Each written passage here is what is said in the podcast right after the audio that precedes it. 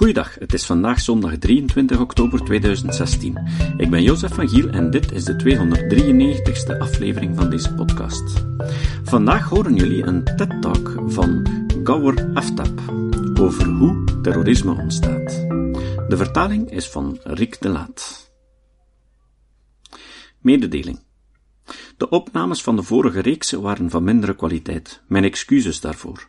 De oorzaak lag eigenlijk in de instellingen van de geluidsinstallatie van de ruimte waar de lezing doorging, en eigenlijk buiten mijn invloed lag. Ik weet nu dat ik in het vervolg meer moet aandringen met mijn eigen inzichten rond lokale geluidsinstellingen. Dus ik beloof dat ik dat de vorige keer meer ga doen. Gedurende enkele maanden heeft ons contactformulier op de website niet gewerkt. Bij gevolg heb ik heel veel berichten gemist. De boodschappen zijn niet verloren gegaan. Dus ga ik ze nu allemaal doorlopen en beantwoorden indien nodig. Ik heb nu het contactformulier verwijderd en vervangen door een captcha die mijn e-mailadres zichtbaar maakt. Je kan mij trouwens altijd contacteren via jozef.van.giel.gmail.com. Hoe maak je een terrorist? Ik kom hier praten over gewelddadig extremisme en de dreiging die ervan uitgaat voor onze manier van leven. In Pakistan of waar ook ter wereld. Ik hoorde dat de meerderheid van ons publiek ongeveer 25 is. Grofweg dezelfde leeftijdscategorie als waar ik zelf toe behoor. Mijn eerste boodschap aan jullie is dat de wereld waarin de meesten van ons zijn opgegroeid en waarvan we dachten te weten hoe ze werkte, niet langer bestaat. Die wereld is weg en zal nooit terugkomen. We moeten dit erkennen om te kunnen begrijpen wat het betekent wereldburgers te zijn in de 21ste eeuw. Een van de belangrijkste uitdagingen waar we voor staan is de opkomst van gewelddadig extremisme, zowel in religieuze context als in een etnische context in het Westen. Laten we dus eerst eens kijken hoe we hier kwamen. Om te beginnen, wanneer de wortels van gewelddadig extremisme moeten worden onderzocht, verzinnen we allerlei gekke definities of rationalisaties voor deze dingen. We zeggen, arme mensen worden terroristen. En, mensen die de islam niet begrijpen, volgen hem op de verkeerde manier. Moslims zeggen dat deze mensen geen moslims zijn, dat dit niet de islam is. Dit zijn halve waarheden die het probleem niet oplossen, want we hebben als mondiale beschaving zelfs niet geprobeerd om het probleem te definiëren. Als ik dit tien jaar geleden op een podium had gezegd, toen de oorlog tegen terreur nieuw was en de kolossale mislukking ervan nog niet duidelijk was, zouden ze mij een paniekzaaier hebben genoemd. Mensen zoals ik zouden alarmisten zijn genoemd. Toch leven we nu in een wereld waar de aanvallen in Parijs, in Californië en zelfs in Peshawar alledaags zijn geworden, waar namen van groepen als de Taliban, Al-Qaeda en IS in onze dagelijkse gesprekken opduiken, zodat zelfs zesjarigen weten wie deze mensen zijn.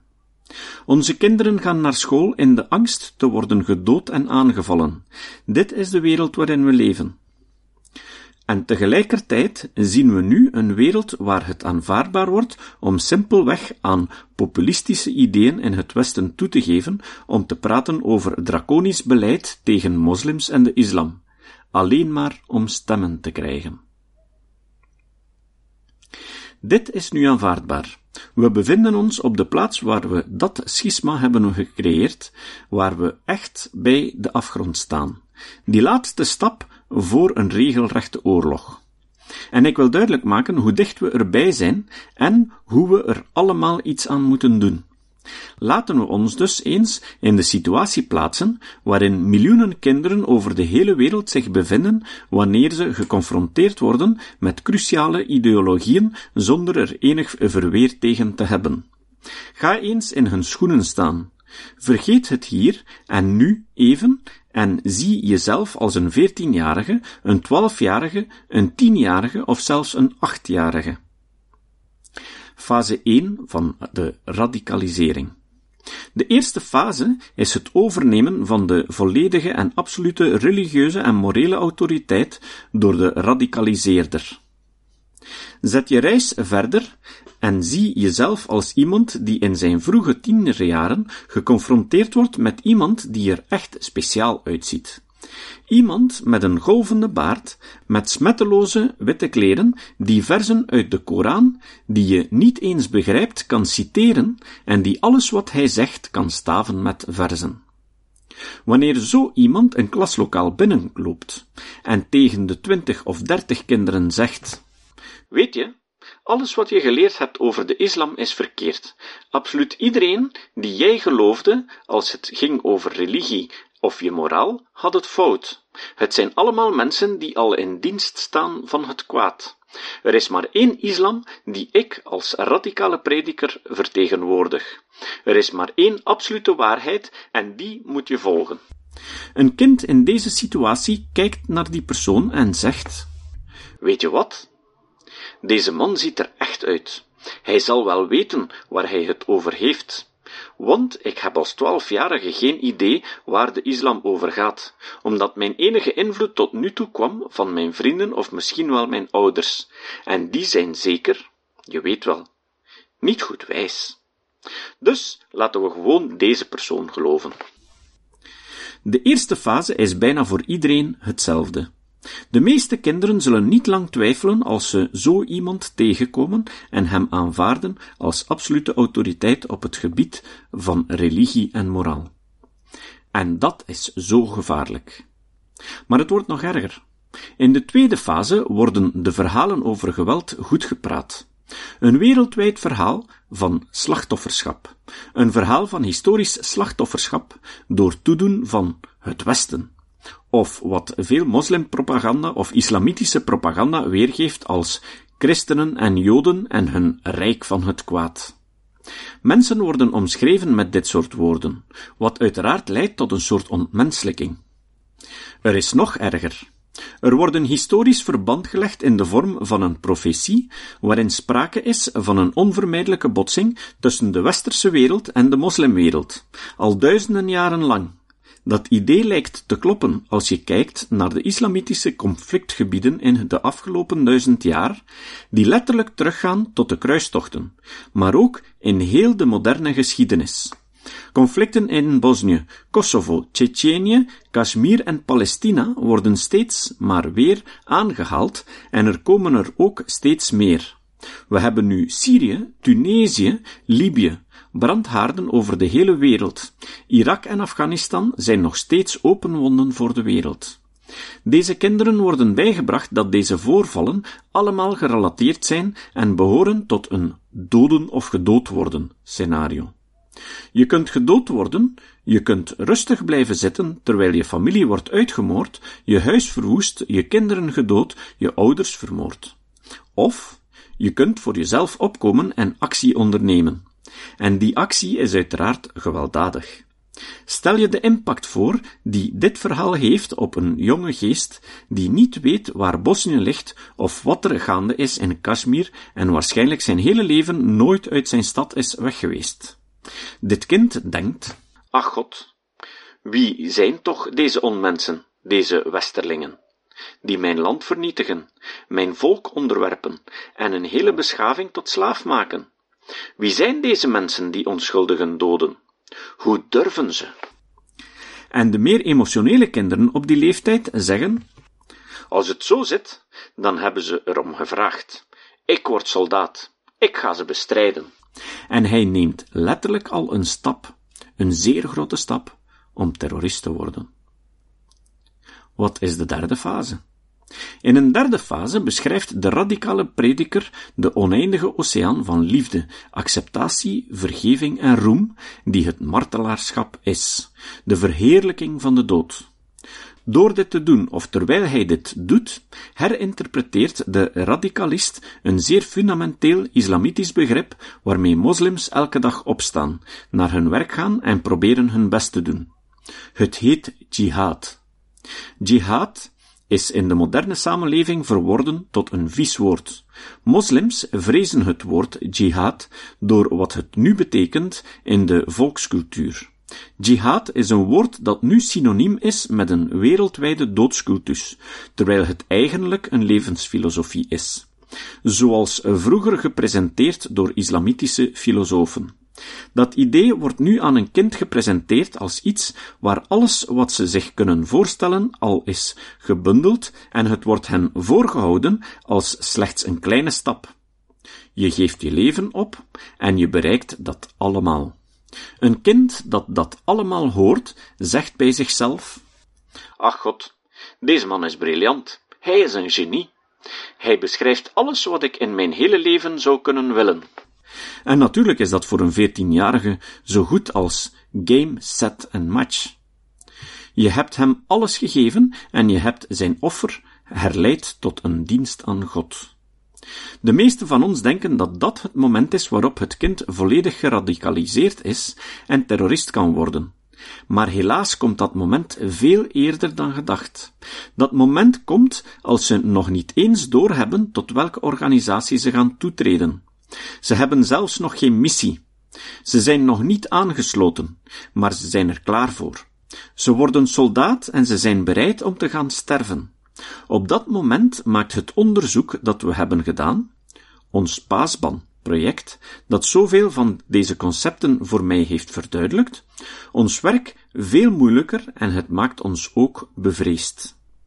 Ik denk dat iedereen die het probleem begrijpt ook bang moet zijn, want als we inzien hoe dit precies werkt, moeten we ook evalueren hoe slecht de zaken er op dit moment voor staan.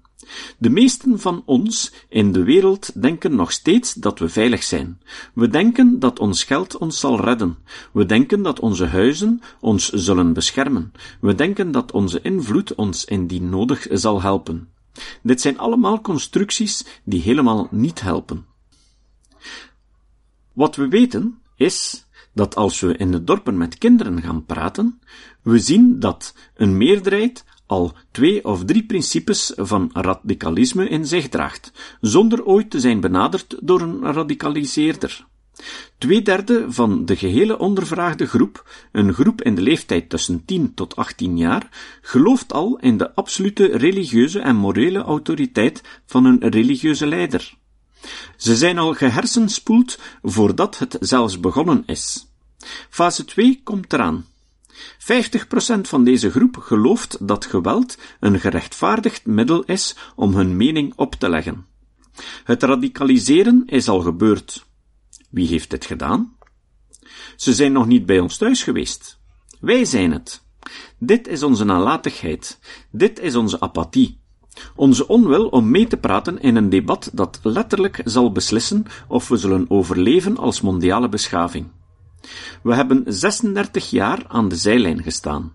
We hebben toegestaan dat onze kinderen door deze mensen werden ingepalmd voor hun verborgen agenda. Wij moslims over de hele wereld hebben dat toegestaan. We hebben toegestaan dat ons geloof werd ingepalmd, verdraaid en misbruikt. En niet-moslims over de hele wereld zijn medeplichtig doordat ze het probleem niet konden begrijpen en niet in staat zijn om hun regeringen ter verantwoording te roepen voor hun rol daarin. Niet-moslims moeten hun regeringen ook ter verantwoording roepen. Zij maken evengoed deel uit van het probleem, net als moslims. Het is een wereldwijd probleem. Om je een idee te geven hoe slecht de zaken ervoor staan, Volgens een overheidsrapport van twee maanden geleden zijn er meer dan 35.000 madrassas in Pakistan. Natuurlijk zijn niet alle madrassas radicaal, maar je kan je wel indenken welk percentage van dit aantal, welk percentage van deze 3,5 miljoen kinderen die elk jaar door het madrassa-systeem gaan, geradicaliseerd worden of openstaan voor radicale ideologieën. Een op de zes IS-recruten uit het Westen was een nieuwe bekeerling tot de islam. Wat betekent dat? Betekent dat dat de islam of moderne kwaadaardige interpretaties ervan het probleem zijn? Nee, het is een direct gevolg van de westerse beschavingen die lijden en chaos creëren terwijl ze hun rijk uitbreiden. Het is een direct gevolg van burgers in westerse landen die zich rechteloos voelen, die vinden dat niemand om hen geeft en dat de maatschappij hen tekort doet. Ze zijn op zoek naar islamitisch radicalisme. Ik haat het om het woord te gebruiken, maar zo zeggen we het nu eenmaal. Ze denken dat deze vorm van gewelddadig extremisme hun oproep tot rebellie is, hun oproep tot revolutie. Ze associëren zich ermee om zijn vermogen, zijn bewezen vermogen om terug te slaan naar dat rijk van het kwaad. Dit is weer hun terminologie. Zo slecht is de situatie dus. Er zijn niet-islamieten die meegaan in dit discours om hun gram te halen. Er zijn mensen bij ons thuis met kinderen jonger dan tien jaar die onderbewust al geradicaliseerd zijn. En miljoenen kinderen volgen een onderwijssysteem waarop absoluut geen enkele controle wordt uitgeoefend. Wat is hier aan te doen? Uiteraard lost het Paasbandproject dit niet allemaal op. We staan nog maar aan het begin.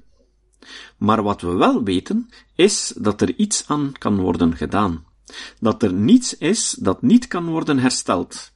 Niets van dit alles dwingt ons tot de wraakzuchtige mentale toestand die we hebben aangenomen, waarbij we denken dat het doden van terroristen de enige manier is. Dat is absoluut het tegenovergestelde van wat we moeten doen.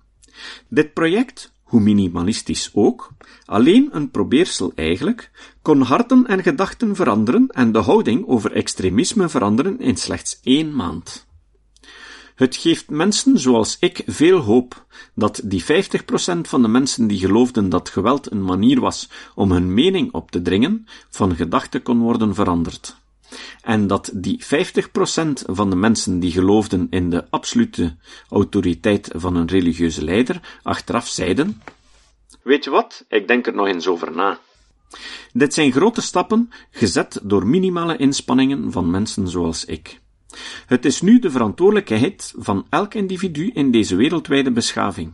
De reden dat wij deze statistieken laten zien, is niet om te zeggen dat onze manier de juiste is. Wij staan helemaal aan het begin, waar mensen zoals ik proberen ruimte in de samenleving te creëren om deze zeer cruciale gesprekken te voeren om dat inzicht te ontwikkelen bij westerlingen, bij moslims en bij niet-moslims, over hoe we hier terechtkwamen en hoe we hier weer weg kunnen geraken. En hoe wij jullie en ons allemaal als een mondiale beschaving naar de eindstreep voortstuwen, voordat we onszelf en elkaar vernietigen in het proces. Deze profetie van de botsing der beschavingen, het onvermijdelijke doden of gedood worden, maakt zichzelf in deze generatie vanzelf waar als we niet handelen. Dit probleem is niet langer het domein van de lidstaten en hun organen. Ze hebben geen enkele macht om te beïnvloeden wat er in jullie huizen of in jullie harten omgaat. Dit is onze strijd, ons gevecht, en als we dit niet elke dag bevechten, staan we voor de afgrond en zullen we het in de komende generaties niet kunnen herstellen. Ik smeek jullie allen. Ik doe een beroep op jullie allen. Laat je apathie, je angst, je houding van laat maar waaien, je paniek niet toe om in dit aas te bijten. We moeten allemaal een duit in het zakje doen. Ik hoop dat jullie dit onthouden. Het citaat. Het citaat van vandaag komt van Benjamin Franklin. Franklin zei: zij die een fundamentele vrijheid opgeven voor meer tijdelijke veiligheid, verdienen nog vrijheid, nog veiligheid. Tot de volgende keer. Deze podcast is het resultaat van het werk van veel mensen. Rick de Laat verbetert bijna al mijn teksten en maakt de meeste vertalingen. Emiel Dingemans verzorgt onze website en Facebookpagina. Ook Leon Korteweg en Stefan Sutens schrijven, vertalen of verbeteren soms artikelen. Leon onderhoudt bovendien het YouTube-kanaal van deze podcast. De muziek van de intro en de trailer heeft Nick Lucassen geschreven, en soms maken we ook gebruik van muziek van Ad van Nederpelt, die ons zijn prachtige composities ter beschikking stelt. Dit was de podcast Kritisch Denken. Vergeet niet om alles kritisch te behandelen, ook deze podcast. Voor verdere informatie over deze podcast, links en voor de tekst, surf naar www.kritischdenken.info. Als je deze podcast belangrijk vindt, kun je me steunen door anderen warm te maken ook eens te luisteren. Stuur een e-mail naar vrienden met een link naar de website en plaats de link in de handtekening van je e-mails. Tevens kun je op iTunes deze podcast een beoordeling geven of een recensie schrijven. Of je kan op je eigen website of blog een link naar kritisch denken plaatsen.